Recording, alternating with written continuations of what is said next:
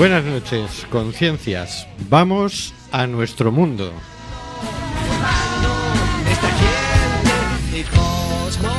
Estamos en Cuac FM, en el programa Simplemente Gente, programa sobre la diversidad cultural en Coruña y sobre los derechos de las personas migrantes.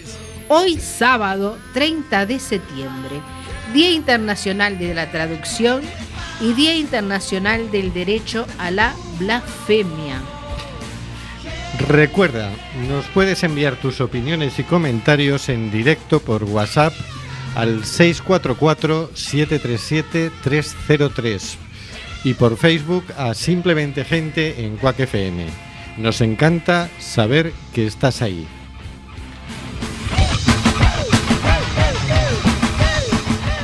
Hoy más que nunca, muchas gracias a todos. Gracias Ana, que ya sé que estás en el WhatsApp. Seguimos denunciando los vuelos de deportación de inmigrantes que realiza Europa por medio de la, de la compañía Air Nostrum y Viajes Barceló. No vueles nunca con Air Nostrum.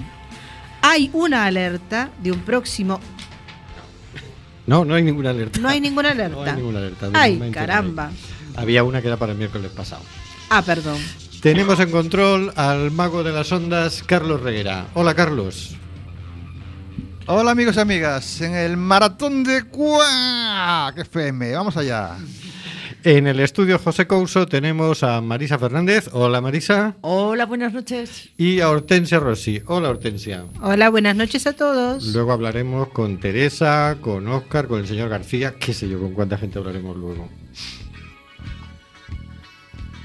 Señor García. Hola, señor García. Buenas noches, amigas y amigos. Un día especial para Quack el día de hoy. 24 horas, otras 24 horas, recuerdo yo hace ahora unos 11 añitos, por otros motivos bien diferentes. Caramba. Señor García, coja el tacatá, hágase a un lado y déjale el micro a Óscar para saludarlo. Buenas noches, Óscar. Hola, buenas noches, Rubén. Qué alegría verte un sábado. Qué cosa estar por aquí. Yo te, yo te hacía de fiesta por ahí, por la, por el Orzán. Te toca, Hortensia, lee. Me toca, pues vamos a ver. Y también en el estudio José Couso, a Rubén Sánchez, que hará lo posible para que fluya este amordazado, programa número 168.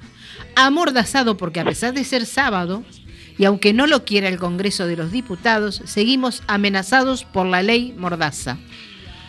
Y tan amenazados. Mm, Hortensia, me dicen de control que te cambies de cascos. Que me cambie de... Que, que me, ah, vale, me cambio. La amenaza es una multa entre 100.000 y 200.000 euros. Mira que nos lo venías diciendo, Hortensia, todas las semanas. Y no te hemos hecho ningún caso y ahora mira. Yo sabía que estábamos hablando de más, yo lo sabía. En fin.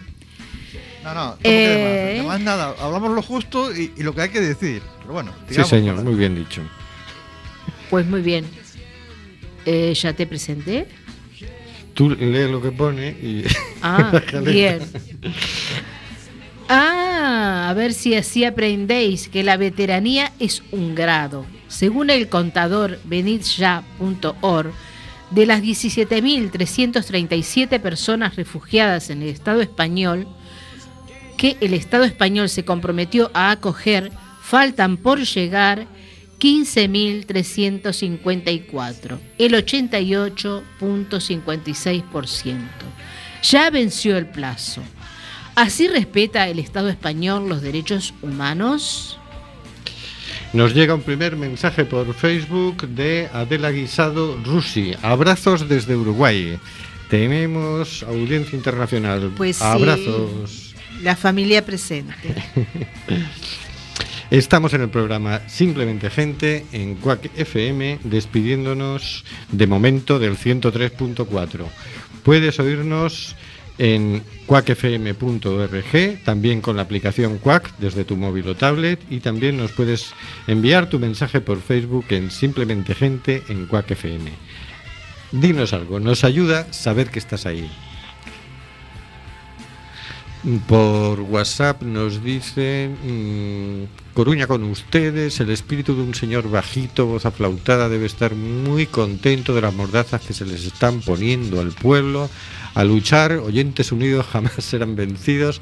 Aquí estamos a vuestro lado, bienvenidos hoy y siempre. Saludos para todos y uno especial al señor García. Al final el señor García siempre es la estrella de aquí. Sí, sí. De todo el mundo lo mismo, todo el mundo le manda saludos. Gracias prima desde Uruguay. El señor García es el padre fundador de este programa. Gracias a él estamos hoy aquí todos. Estoy esperando ya la creación del club de fans para irme jubilado del todo, e irme al otro barrio contento. Es que, es que ya, es que ya la libro. fundadora está ahí, ¿eh? Ya está ahí en el Ya WhatsApp. sí. tengo, tengo un hijo, planté un árbol, Ah, escribí un libro, me falta tener un club, un de, club de fans. fans. muy bien, muy bien. Estás en Simplemente Gente, en Radio Quack FM, la radio rebelde, la radio libre. Estamos en un maratón de 26 horas que ha empezado hace una hora, que terminará mañana a la una de la madrugada, que ya os iremos contando. Vamos con las cositas de la actualidad por el señor García.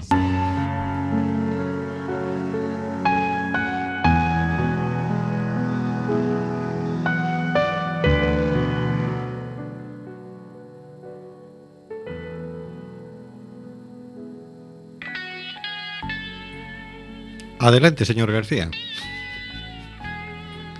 Desde Quack FM tenemos el enorme pesar de comunicar que el pasado 21 de septiembre, después de 21 años de emisión, la Junta de Galicia, a través de la Secretaría General de Medios, comunicó a Quack FM la incoacción de un expediente sancionador por emitir sin disponer de la correspondiente licencia. Quack se expone así a una sanción administrativa que va entre los 100 100.000 un euros a los 200.000. Nada más y nada menos. Ante tales hechos, el colectivo de universitarios activos, WAC, quiere señalar lo siguiente. En estos 21 años de servicio a la comunidad, un- nunca recibió ningún comunicado, queja o notificación de ningún tipo respecto a su actividad y nunca interfirió ni perjudicó la emisión de ninguna otra estación de radio en Galicia. La Junta de Galicia tiene constancia de la existencia de Quack FM desde antes de comenzar sus emisiones el 27 de marzo de 1996. Las relaciones de esta emisora con la Secretaría General que abre dicho expediente fueron numerosas y siempre en el mismo sentido. Quack solicitó en reiteradas ocasiones la, reserva de espacio radioeléctrico para servicios de comunicación comunitarios sin ánimo de lucro y licencias, aunque fueran provisionales, para salva- salvaguardar la actividad de las pocas emisoras libres comunitarias que existen en Galicia.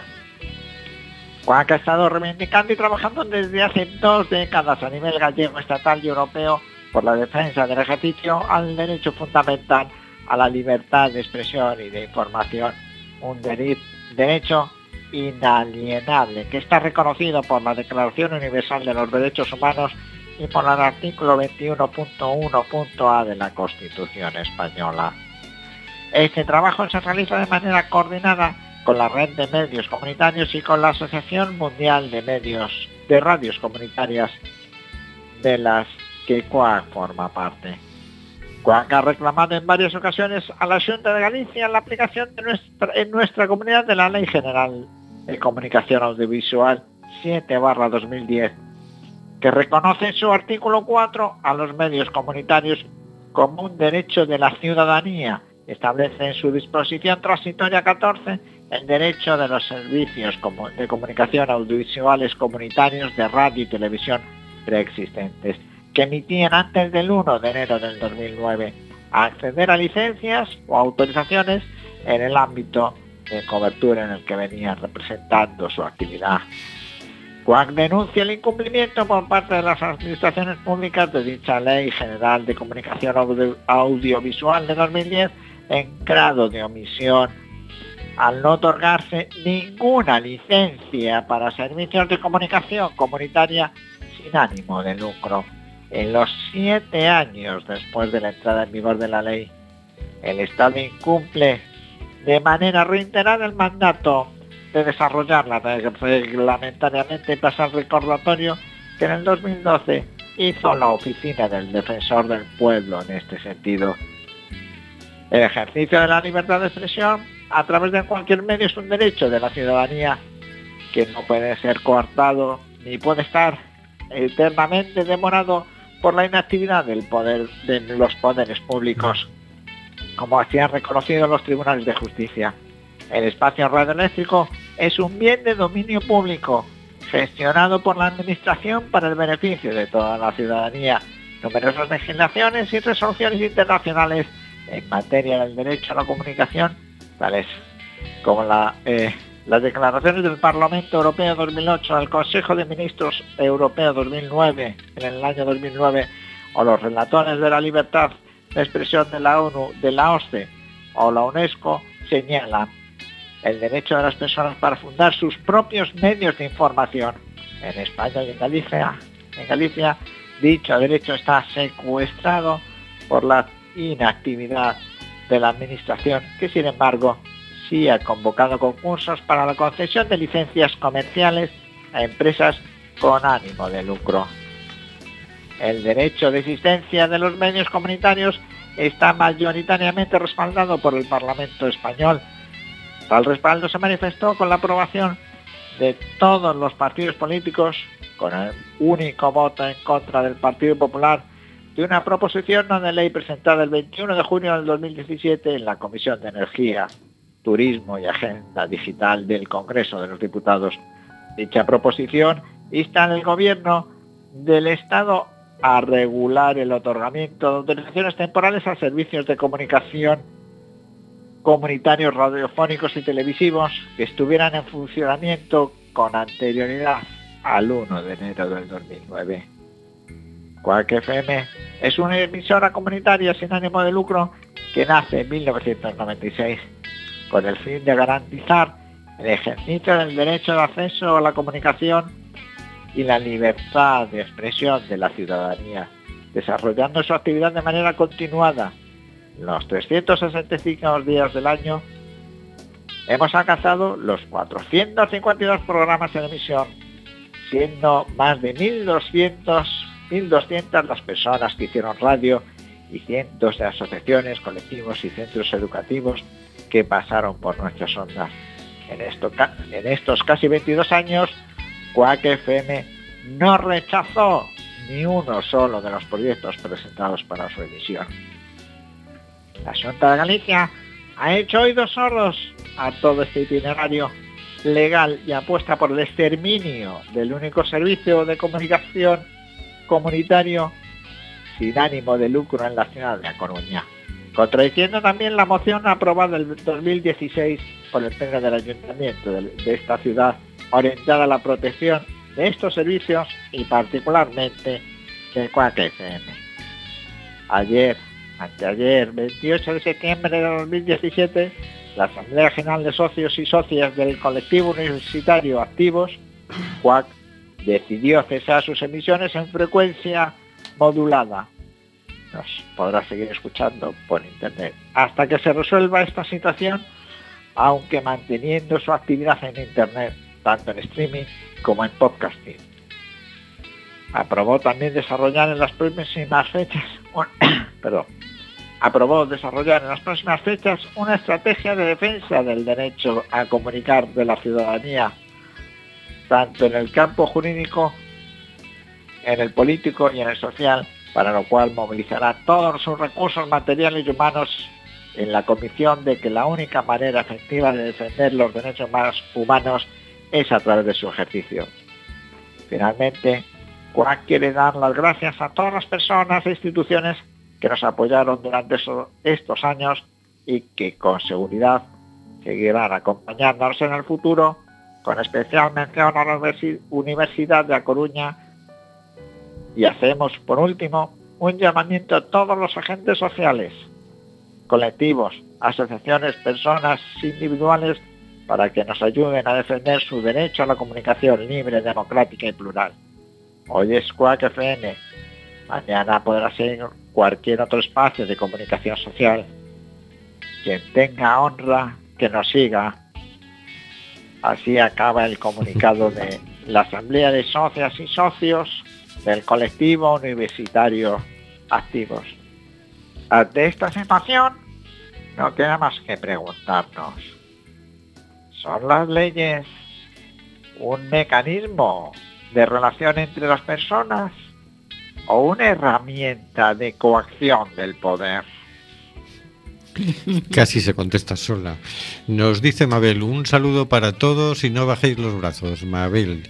Y por otro lado nos dicen, pisotean nuestros derechos, sobre todo cuando decimos verdades. La verdad es que si no hay mordida, no les interesa. No sé qué opinas tú, Hortensia, de esta multa que nos 100.000 a 200.000 euros. 100.000 uno, perdón, ¿eh? El uno no te olvides. el uno lo pongo yo, no te preocupes. Eh, no, no, lo iba a poner yo, es que tú nunca me dejas a mí, siempre lo, siempre lo mismo, siempre avasallándome. ¿Qué quieres que opine? Esto es un disparate. ¿Cómo van a, dejarnos sin el derecho a expresarnos de ninguna manera? No lo van a conseguir, no lo van a conseguir. De momento aparte yo eh, tengo esperanza, no. Tengo la idea positiva de que, de que vamos a salir bien de esta. De que ganaremos, ¿no? Sí, sí, sí. Claro Yo también, no sé por qué también tengo la, sensación de que no, no, es tan fácil taparnos la boca. No, eh, a ver, de hecho, em, yo no uso este Twitter ni esas otras redes sociales, solamente el Facebook, ¿no? Y WhatsApp. Y ha habido una repercusión grande y se está moviendo mucho, o sea que... Sí, sí, ha tenido, circuló el primer comunicado La gente oficial. Nos está apoyando. Bien. Yo creo que muy bien. Hombre, yo creo que después de 22 años emitiendo y todas las, toda la cultura y todas las, las personas y organizaciones que han pasado por acá, se merece que tengan respaldo, vamos. Sí, porque por aquí ha pasado mucha gente, mucha, mucha gente.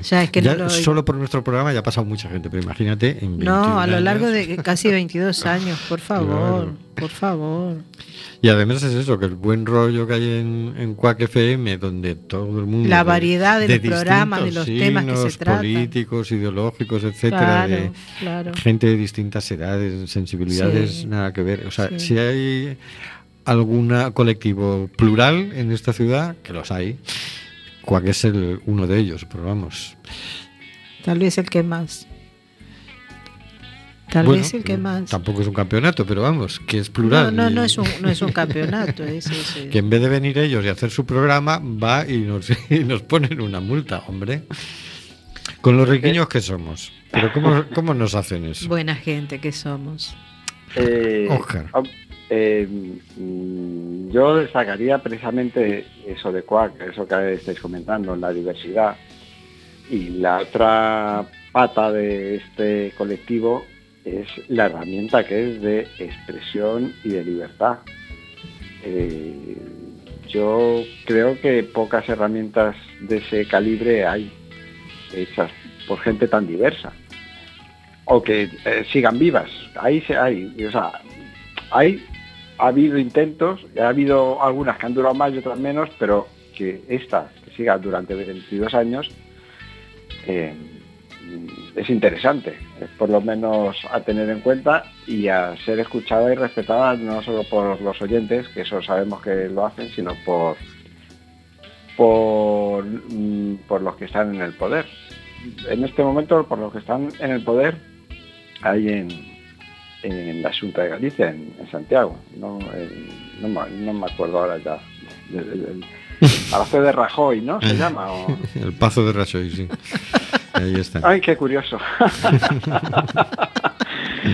Entonces, eh, además, tocando yo el tema legislativo, eso no solo la Declaración de los Derechos Humanos, no solo la Constitución, sino la, pre- la propia ley de medios abre eh, espacio a, a los medios de comunicación del tercer sector, que se llaman a estos medios de comunicación sin ánimo de lucro, pero que no son de administraciones públicas.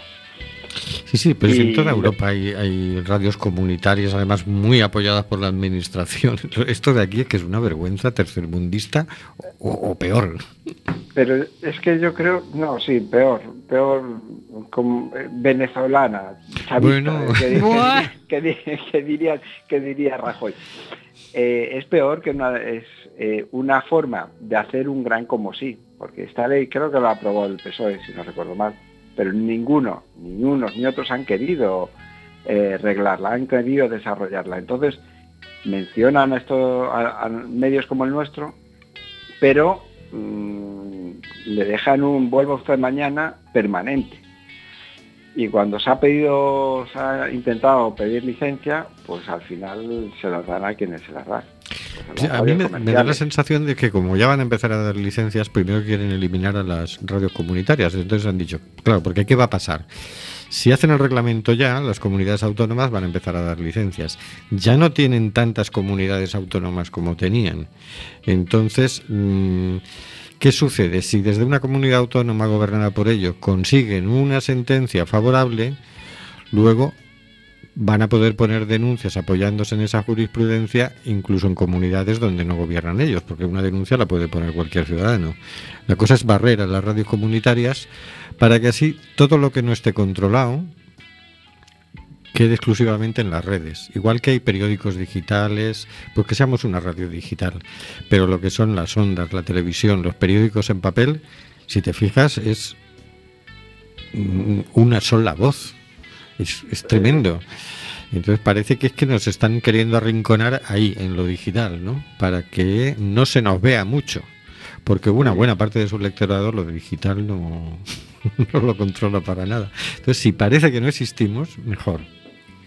Y fíjate lo digital, o fijaros lo digital, que en teoría puede, es eh, de libre acceso, de libre participación, pero mm, estas semanas hemos oído que con el tema de Cataluña, web que abrían, web que estaban cerrando. Así que lo que quieren es mm, eso, impedir la libre expresión de la, de la gente común porque es peligroso cuando se expresa porque piensa. Espera, que están haciendo un comentario muy inteligente por ahí. Dicen, los seguimos, señor García. Muy buen razonamiento, señor Rubén. Buah. Marisa, nos toca algo, ¿no? Bueno, yo, la verdad es que tenemos mucho ánimo. Yo y todos los compañeros que he visto de la emisora eh, estamos en, en pie de guerra. Este maratón es una muestra. Vamos a estar 26 horas seguidas dando caña y, y yo creo que vamos a aumentar muchísimo nuestra audiencia después de, de la campaña que vamos a hacer, porque todavía no hemos empezado. No, Sí, pero aparte me gusta mucho el, el- el título del programa con el que empezó la maratón. ¿Y a ti, ¿Y a ti qué te importa? me gustó mucho. Pues muy Claro bien. que se tiene dos lecturas esa Sí, pregunta, tiene ¿eh? dos lecturas, sí. Que es, en positivo, hagamos Claro. positivo. ¿Qué es lo que a ti te importa sí. O, y, y tú por qué te metes?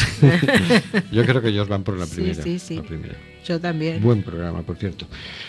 Y bueno, pues vamos a despedirnos del señor García y de Oscar G. Por un ratito. O se ¿Quieres- tiene que ir. No lo sé. Bueno, tú... Oscar, Eh, sí, que sí, yo no puedo acompañaros en todo el programa. Yo lo siento mucho porque me habéis pillado en una situación un poquito especial Bueno, y entonces no estaba, no estaba previsto, o sea, no te venía previsto estar aquí y bueno, pero la situación, me habéis pillado en un momento diferente al habitual, fuera de la rutina, y pero quería estar en una, situación especial. Pero no puedo quedarme hasta, hasta el final del programa. pues muy bien. Estate todo lo que puedas. ¿Cómo? Perdón, que, Que me te estés todo lo que puedas, no hace falta que te vayas ahora. Nos llega otro comentario inteligente. Chicas, ustedes son pilares, como todas las mujeres. Sí, señor, estamos de acuerdo. Eso es un buen comentario inteligente. Sí, señor. Concorro. Bueno. Esa es la admiradora del señor García. Vamos a escuchar la voz de la calle de Sin Conciencia. Adelante, Carlos.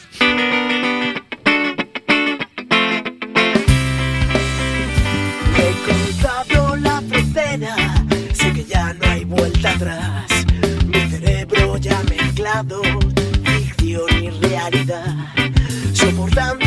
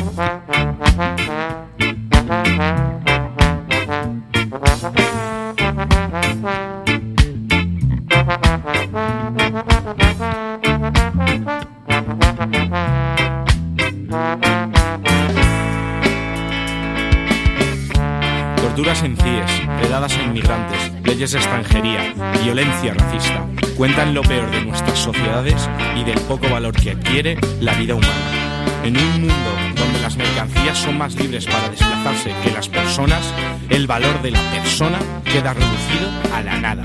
Los mínimos derechos humanos son violados continuamente por los países que dicen ser sus defensores. Sin embargo, su opulencia descansa sobre la miseria y la escasez de los países pobres.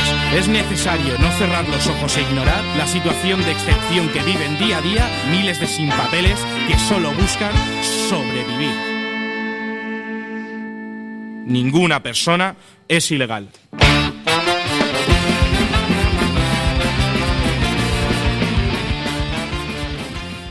Ninguna persona es ilegal, pero algunas pocos derechitos tienen, ¿no? Vamos a ver qué nos cuenta Marisa Fernández, que nos trae una buena noticia. Pues sí, cosa que es, es, una noticia muy curiosa. Las mujeres podrán conducir en, en, Arabia Saudí. Por Amnistía Internacional, el 27 de septiembre de 2017, el rey Salman bin Abdelaziz ha dado luz verde a una revolucionaria reforma. Las mujeres podrán conducir en Arabia Saudí, el único país del mundo en el que se les prohibía. Tras años, tras años recurriendo a los hombres para desplazarse en coche, las mujeres saudíes por fin acarician un derecho histórico. Este pasado martes, el monarca saudí autorizó la emisión de permisos de conducir. Como primer paso, el comité integrado por los Ministerios de Interior, Trabajo, Hacienda y Desarrollo Social presentan un plazo máximo de 30 días sus en un plazo, en un plazo máximo de 30 días sus recomendaciones en la aplicación de la norma. La orden de despachar los, los permisos entrará finalmente en vigor el próximo 23 de junio. Todavía tienen que esperar un poquito. Se trata de una reivindicación que eh, las mujeres y activistas locales venían reclamando desde hace años y que organizaciones de derechos humanos como Amnistía Internacional han estado apoyando. Este histórico avance se produce, según los medios de comunicación, una semana después de que se autorizase el acceso de las mujeres al Estadio Internacional Rey, Rey Faz, por primera vez en su historia, y apenas unos meses después de que la educación física comience a impartirse en los colegios femeninos del reino. Fe felicitaciones, enhorabuena, pero perdón, hay que joderse. La verdad, ¿eh? Un saludo metaleiro, Forza Quack Resiste. Que más que nos están llegando mensajes. Ánimo, llegando a casa, Quack Resiste, Lali. Eh, y por aquí nos mandan una foto, por fin Arabia ah, Saudí ese sí que yo iba a comentar. conducir a las mujeres y es una foto de un coche con un burka que lo tapa completamente. Es el que iba a comentar que había llegado de Uruguay hoy por Ay, WhatsApp. ay. Sí. Oye, yo por una buena noticia, pero por otro lado se me caen a los pies. Dice que, que no podían hacer educación física, no podían ir al estadio, no podían No, conducir. no podían hacer absolutamente No. nada. Eh, solas, nada. Yo cuando sale el tema de la diversidad cultural y tal, y hay gente que eh, trata de meter ahí estas cosas y dice, mira, diversidad cultural tiene un- una raya roja, ¿no? un suelo que es el respeto a los derechos humanos. Claro. Es decir, me vale que seas de otra manera, pero no me vale que eh, seas violento con las mujeres, como no me vale la violación de clítoris, o no me vale la esclavitud, o no me valen otras, barbaridades. Como decir, Es oye, una dictadura, ¿no? no, no es que seas un poquito diferentito, es que es un poco animal. en fin. Pues bueno. Yo, eh, a ver, todavía les quedan nueve meses y esperemos que en nueve meses nadie se le ocurra tirar para atrás, ¿no? Esperemos que no. Y que sigan así con sus logros. eh, A pasito de tortuga, pero esto que esto les ha llevado años. Sí, sí, sí. Conseguir esto les ha llevado años. Y, y cosas que ignoramos. Oye, y empezaron... Cosas que para nosotras son tan normales y nosotros ignoramos que ellas las tienen prohibidas. Y empezaron saltándose la ley y poniéndose a conducir Sí, y esas sí, cosas. sí, y además, quieres que hicieran eso.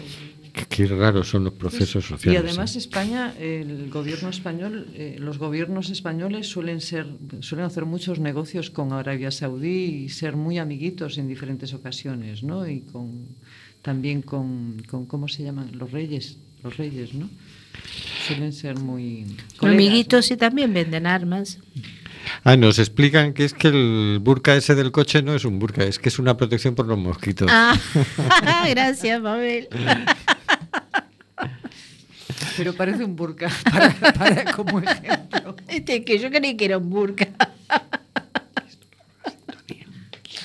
Pues muy bien. Muy bien. Vamos allá.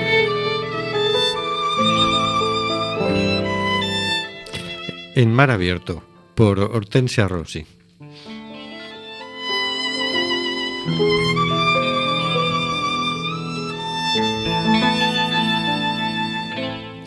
Extractado de un artículo de Graciela Sepúlveda para el blog Vitaminas para el Éxito.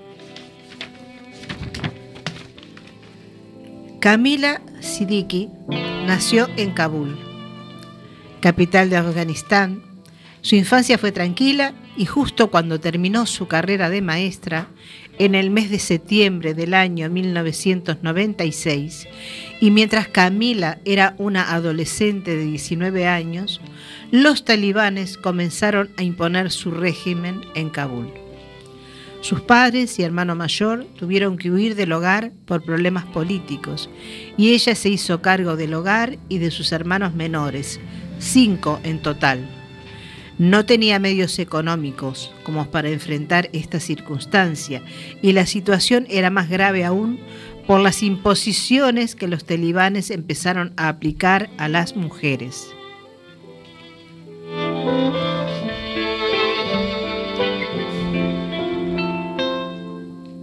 No se les permitía trabajar fuera de su casa y para salir de la misma debían ser acompañadas por un pariente de sexo masculino. No recibían educación después de los ocho años. No podían ser atendidas por médicos de sexo masculino si no eran acompañadas por un hombre, lo que llevó a que muchas enfermedades no fuesen tratadas se enfrentaron a la flagelación y ejecución pública en las calles por violaciones de las leyes de los talibanes. A pesar de todo esto, su espíritu emprendedor la llevó a desafiar este infortunado destino. En lugar de sentirse víctima y ponerse a pensar en que no había remedio para lo que estaba ocurriendo, estaba decidida a mejorar las condiciones de su familia y su comunidad. Armada solo con agallas y determinación, cogió una aguja e hilo y empezó a confeccionar ropa. Ya con la ropa hecha, ahora tenía que llevarla a las tiendas para que se la compraran, pero no podía salir sola, debía hacerlo con un acompañante masculino. Así que su hermano la acompañaba para visitar tiendas de ropa y poder ofrecer sus productos.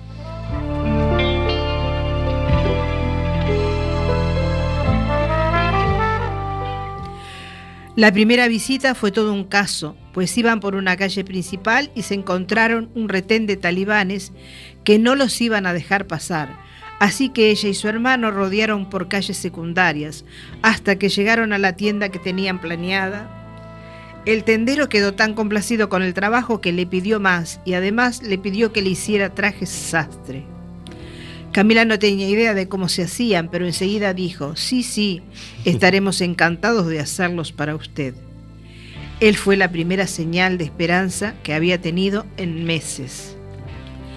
Sus hermanas menores se unieron al taller para ayudarla, ayudarle a cumplir con los pedidos y cuando el negocio comenzó a crecer se unieron también niñas y mujeres del barrio que necesitaban desesperadamente trabajar.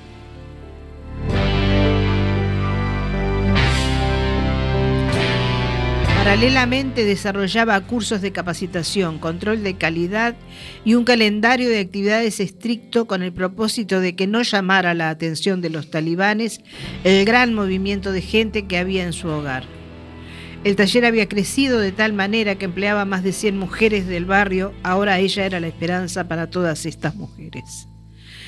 Su negocio creció tanto que le pidieron, sin saberlo, hacer vestidos para una boda talibán. Una mujer entró corriendo en la casa de Camila y dijo que necesitaba dos vestidos en 24 horas. Al darse cuenta de cuántas mujeres estaban cosiendo en la casa de Camila, la mujer pidió mejor seis vestidos. Corrieron y corrieron, tratando de que la novia, la madre y las hermanas quedaran bien ataviadas para esta boda.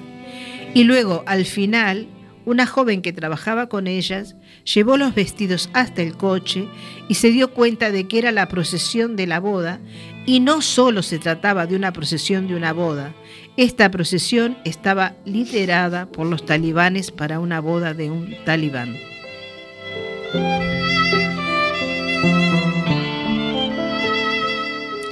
Desde el exterior, los años bajo el régimen talibán parecían abrumadoramente opresivos para las mujeres, pero las negociaciones dentro de sus comunidades permitían que la vida siguiera su curso durante todo ese tiempo. Muchas mujeres pudieron manejar las reglas durante la guerra civil para obtener el permiso para mantener un pequeño negocio en marcha o para que los hombres de la familia vendieran las mercancías que hacían. Y algunos miembros de los talibanes eran solo miembros de la comunidad que necesitaban ganarse la vida porque ellos también necesitaban dinero. A sus hijas a veces las ponían a trabajar con Camila como modistas.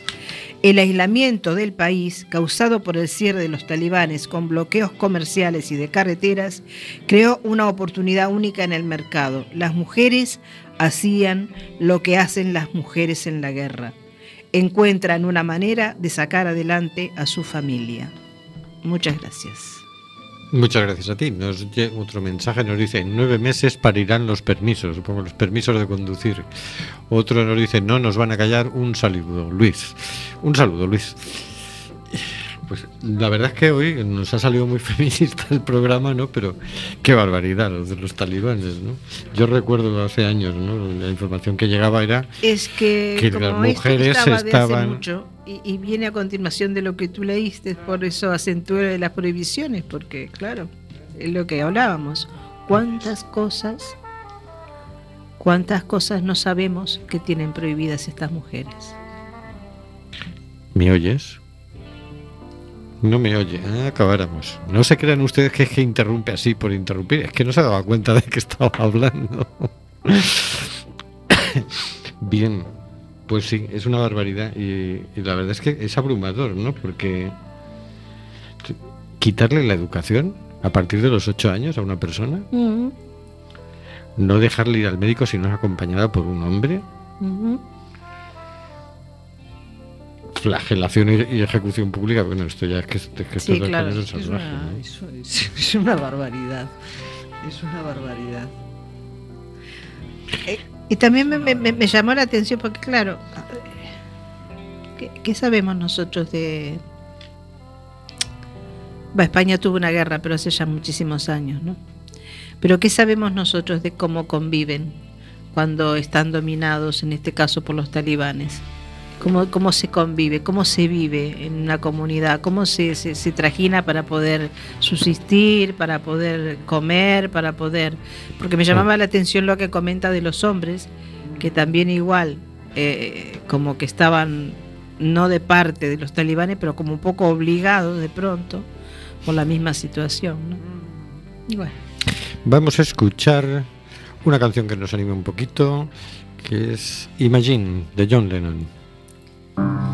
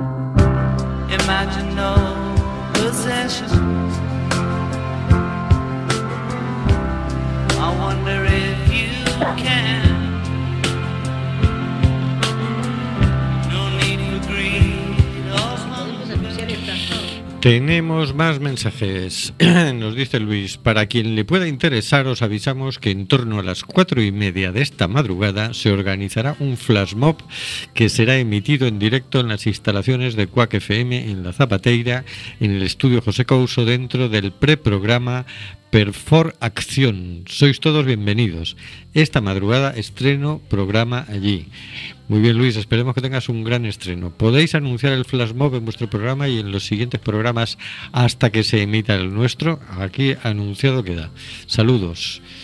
Y antes de hablar con Teresa, vamos a decir, bueno, después de nuestro programa, el siguiente se titula Mi rollo es el rock, a las 11 de la noche. A las 12, la tarde a nuestra manera. A la 1, spoiler. A las 2, el desinformativo. A las 3, el desinformativo. A las 4, perforación. Y luego continuamos con la lista. Más comentarios. Maravilloso, Hortensia. Las mujeres todo nos ha costado y cuesta mucho, pero somos luchadoras, el alma del hogar, de, de la sociedad, fuerza de madre, de esposa, de hija, en definitiva, fuerza de mujer, definitiva. Muy bien, Teresa, buenas noches. Buenas noches. Hola, ¿qué tal? Oye, Hola, Teresa. Teresa, ¿qué más? Teresa, Teresa Mendy. Teresa Mendy. Pues Sí. No es tan difícil. No, no. Yo te había entendido otra cosa. Bueno, vamos a ver, Teresa, tú eres de las mujeres que, que hacen que las cosas funcionen. Eh, una, una de las cosas que más me ha llamado a mí la atención con todo el movimiento de apoyo a las personas refugiadas ha sido eh, la gran respuesta que había en las recogidas de ropa, de alimentos, al principio de, todo el lío. Y, y me consta que tú has estado participando en eso. Cuéntanos. Sí, pues hombre, yo he estado participando eh, primero como persona que iba a llevar productos que se pedían para otras campañas y luego con eh, cuando ya he estado más activa en aire, pues organizando, propiamente dicho, una, una recogida de ropa. Todas estas cosas son, tienen su parte buena y su parte mala, son complicadas. Y, pero bueno, a nivel humano y a nivel personal siempre es gratificante hacerlas. Por más que cuando las acabas dices que nunca más las volverás a hacer. Pero, pero bueno, sí, sí. La verdad es que hace poquito hicimos una recogida aquí en Coruña para mandar a, de ropa, sobre todo de verano. Nos avisaron nuestros compañeros de aire en Grecia que no había ropa suficiente para afrontar la, la ola de calor del verano. Y entonces, pues nada, nos pusimos manos a la obra, firmamos un convenio con Padre Rubinos, en la Fundación Padre Rubinos aquí en, en Coruña. Ajá. Y claro, esto nos facilitó mucho el trabajo. Y, mm, y nada, nos pusimos manos a la obra y conseguimos mandar montones y montones de prendas, más de 10.000 prendas mandamos.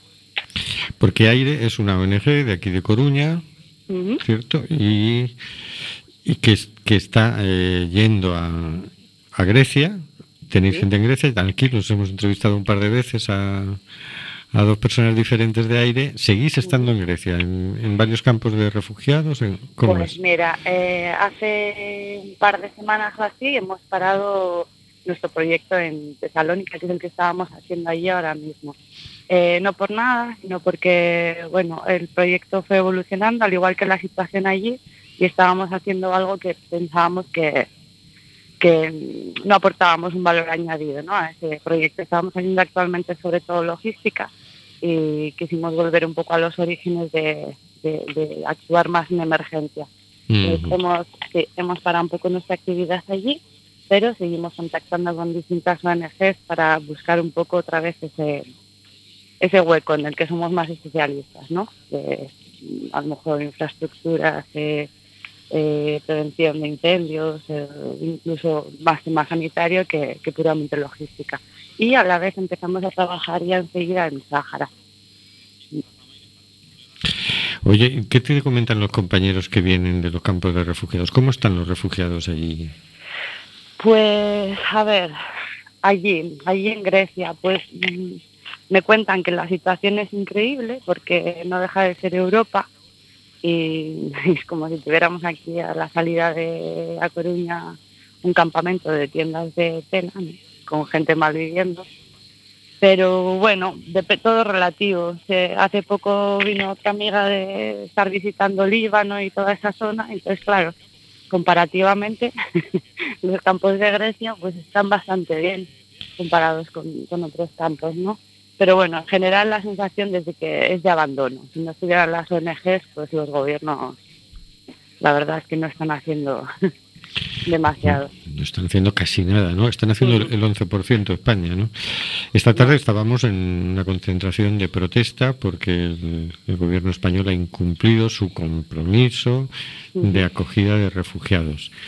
Aunque el ministro ha dicho que siguen comprometidos y que, por supuesto, que terminarán cumpliendo, cumpliendo entre comillas, porque había que cumplirlo en un plazo y, y eso ya no va a ser Sí, posible. bueno, Aunque Eso pasa siempre, ¿eh? con cualquier objetivo, llámese objetivos de desarrollo del milenio que hubo en su momento. es decir, como al final no pasa nada, tú te comprometes, no lo cumples y no pasa nada, pues, pues da igual, ¿no? Bueno, por ahí hay una propuesta de Oxfam Intermonde que se nos multe, ¿eh? Sí. bueno, sí, ojalá, ojalá. Desde Pero luego bueno, debería pasar, debería pasar. yo la apoyaría 100%. ¿Qué te decía? Que, vale, no ha cumplido el gobierno y además encima las, las personas que están en los campos de refugiados se las mantienen en unas condiciones horribles. Que, oye, mm, una persona que haya llegado a Grecia hace, imagínate, en el 2015, ya lleva dos años y medio allí, Sí. les ha dado tiempo a poner instalaciones de sobra y a, y a tener... ¿Sabes sabes qué pasa un poco? Hay como si dijéramos dos tipos de campos, ¿no? Los campos que son los legales, por así decirlo, que es donde están las ONGs grandes y el gobierno griego. Entonces, pues bueno, pues está ACNUR o está, yo qué sé, pues las distintas ONGs que pueden y tienen permiso para trabajar allí y en eso se está basta- relativamente bastante bien. Todo lo bien que se puede estar en un campo de personas refugiadas. No es un hogar propio, no es una ciudad, no, pero bueno, bien. Y luego están los campos ilegales, que es donde no, no hay permiso para trabajar, pero que existen igual. Tienen menos recursos y claro, ahí eh, la cosa se complica más. Claro. Bueno, Teresa, Sí. seguiremos peleando, ¿no? Hombre. ¿Qué tenéis ahora en el horizonte? Pues mira, ahora mismo en el horizonte tenemos muchas cosas abiertas. Lo siguiente, siguiente que vamos a hacer en terreno es lo que os comentaba ahora mismo. Vamos a empezar a trabajar en el Sáhara, toda la zona de, de Argelia, en Tinduf, los campamentos de Tinduf. Y vamos a estar con un proyecto muy muy bomberil que decimos nosotros, que sí, porque es, eh, tiene que ver con la construcción de campos de bomberos y de hospitales, ¿no? Entonces hay otras ONGs de bomberos que ya están trabajando allí y con las que vamos a empezar a colaborar próximamente. A la vez seguimos viendo eh, donde realmente podemos aportar un, un valor extra, un valor añadido en la zona de Grecia, no sabemos si Quíos, si Lesbos o si Lampedusa incluso, o Serbia. Estamos viendo un poco, pero bueno, bien. No- no- todavía no lo tenemos decidido, pero algo haremos. Bien, bueno, pues mm, tenernos al día que nosotros lo, lo transmitimos a, a miles de personas a través de nuestro programa. ¿Vale. Teresa? Pues muy bien, muchísimas gracias. Nosotros lo recibiremos con encantadísimos. Pues muchísimas gracias a ti porque ya tenemos que ir cerrando. Buenas noches, Teresa. Muchas gracias. Gracias. Bueno, pues Cuac resiste. Acordaos todos que a las cuatro y media tenemos aquí una flash mob. Hay que venir y poner la voz nada más. Y buenas noches, Carlos. Buenas noches, Hortensia. Buenas noches a todos. Buenas noches, Carlos. Ahora sí, ahora, ahora llega, llega, Estaba muy llega lejos del micro. micro. Nada, que adelante y que, que Quack resiste, porque se lo merece. Vamos allá. Saludos del equipo de perforación también a Simplemente Gente. Saludos nuestros para el equipo de perforación. Buen comienzo. Buenas noches, Marisa. Buenas noches. Buenas noches, queridas y queridos oyentes. Está muriendo gente en el Mediterráneo. Nosotros hacemos este programa. ¿Qué vas a hacer tú?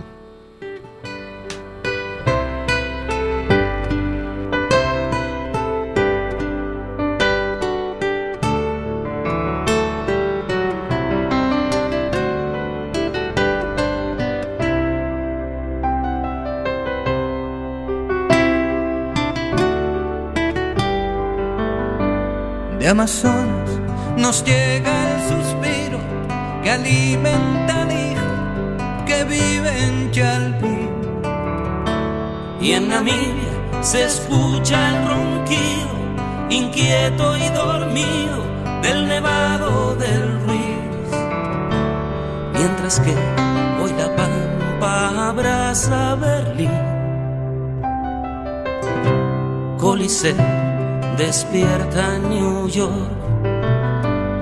Chacareras bebiendo de un far, soleares de un tan y una isa de un son. y una quena con gaita escocesa bailan en la clave de un djembe y un bongo. Hoy el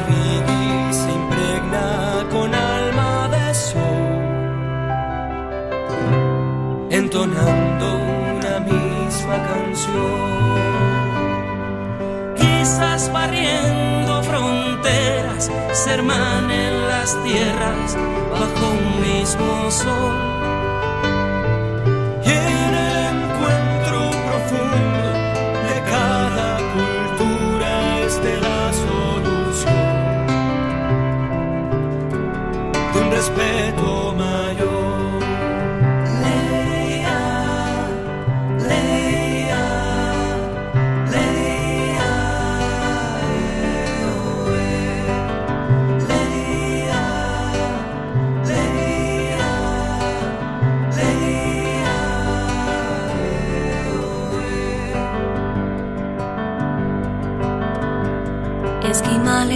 mantienen el rito de mayas, fulani o bambo y boló. Y en la sangre del Inca cohabitan ancestros bantúes, bereber y zulú. Hoy se empeña el ADN en forjarnos igual. Esqueletos de un mismo crisol. Musulmanes, hindúes, budistas brindan letanías o mismo Belén. Y cristianos, judíos y animistas bautizan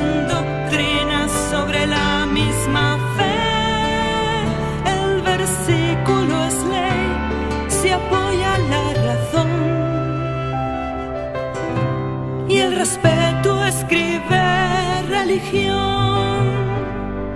Pienso en mi verso desnudo, quitando fronteras, vistiendo al país. Con la esperanza que llega otra nueva era sin conflito al Daqui a pouco o dia vai querer raiar. Ali tão sempre perto e não lhe vendo. Sinto tua alma flutuar do corpo. Teus olhos se movendo sem se abrir. Ali tão certo e justo. Absinto-me de ti, mas sempre vivo.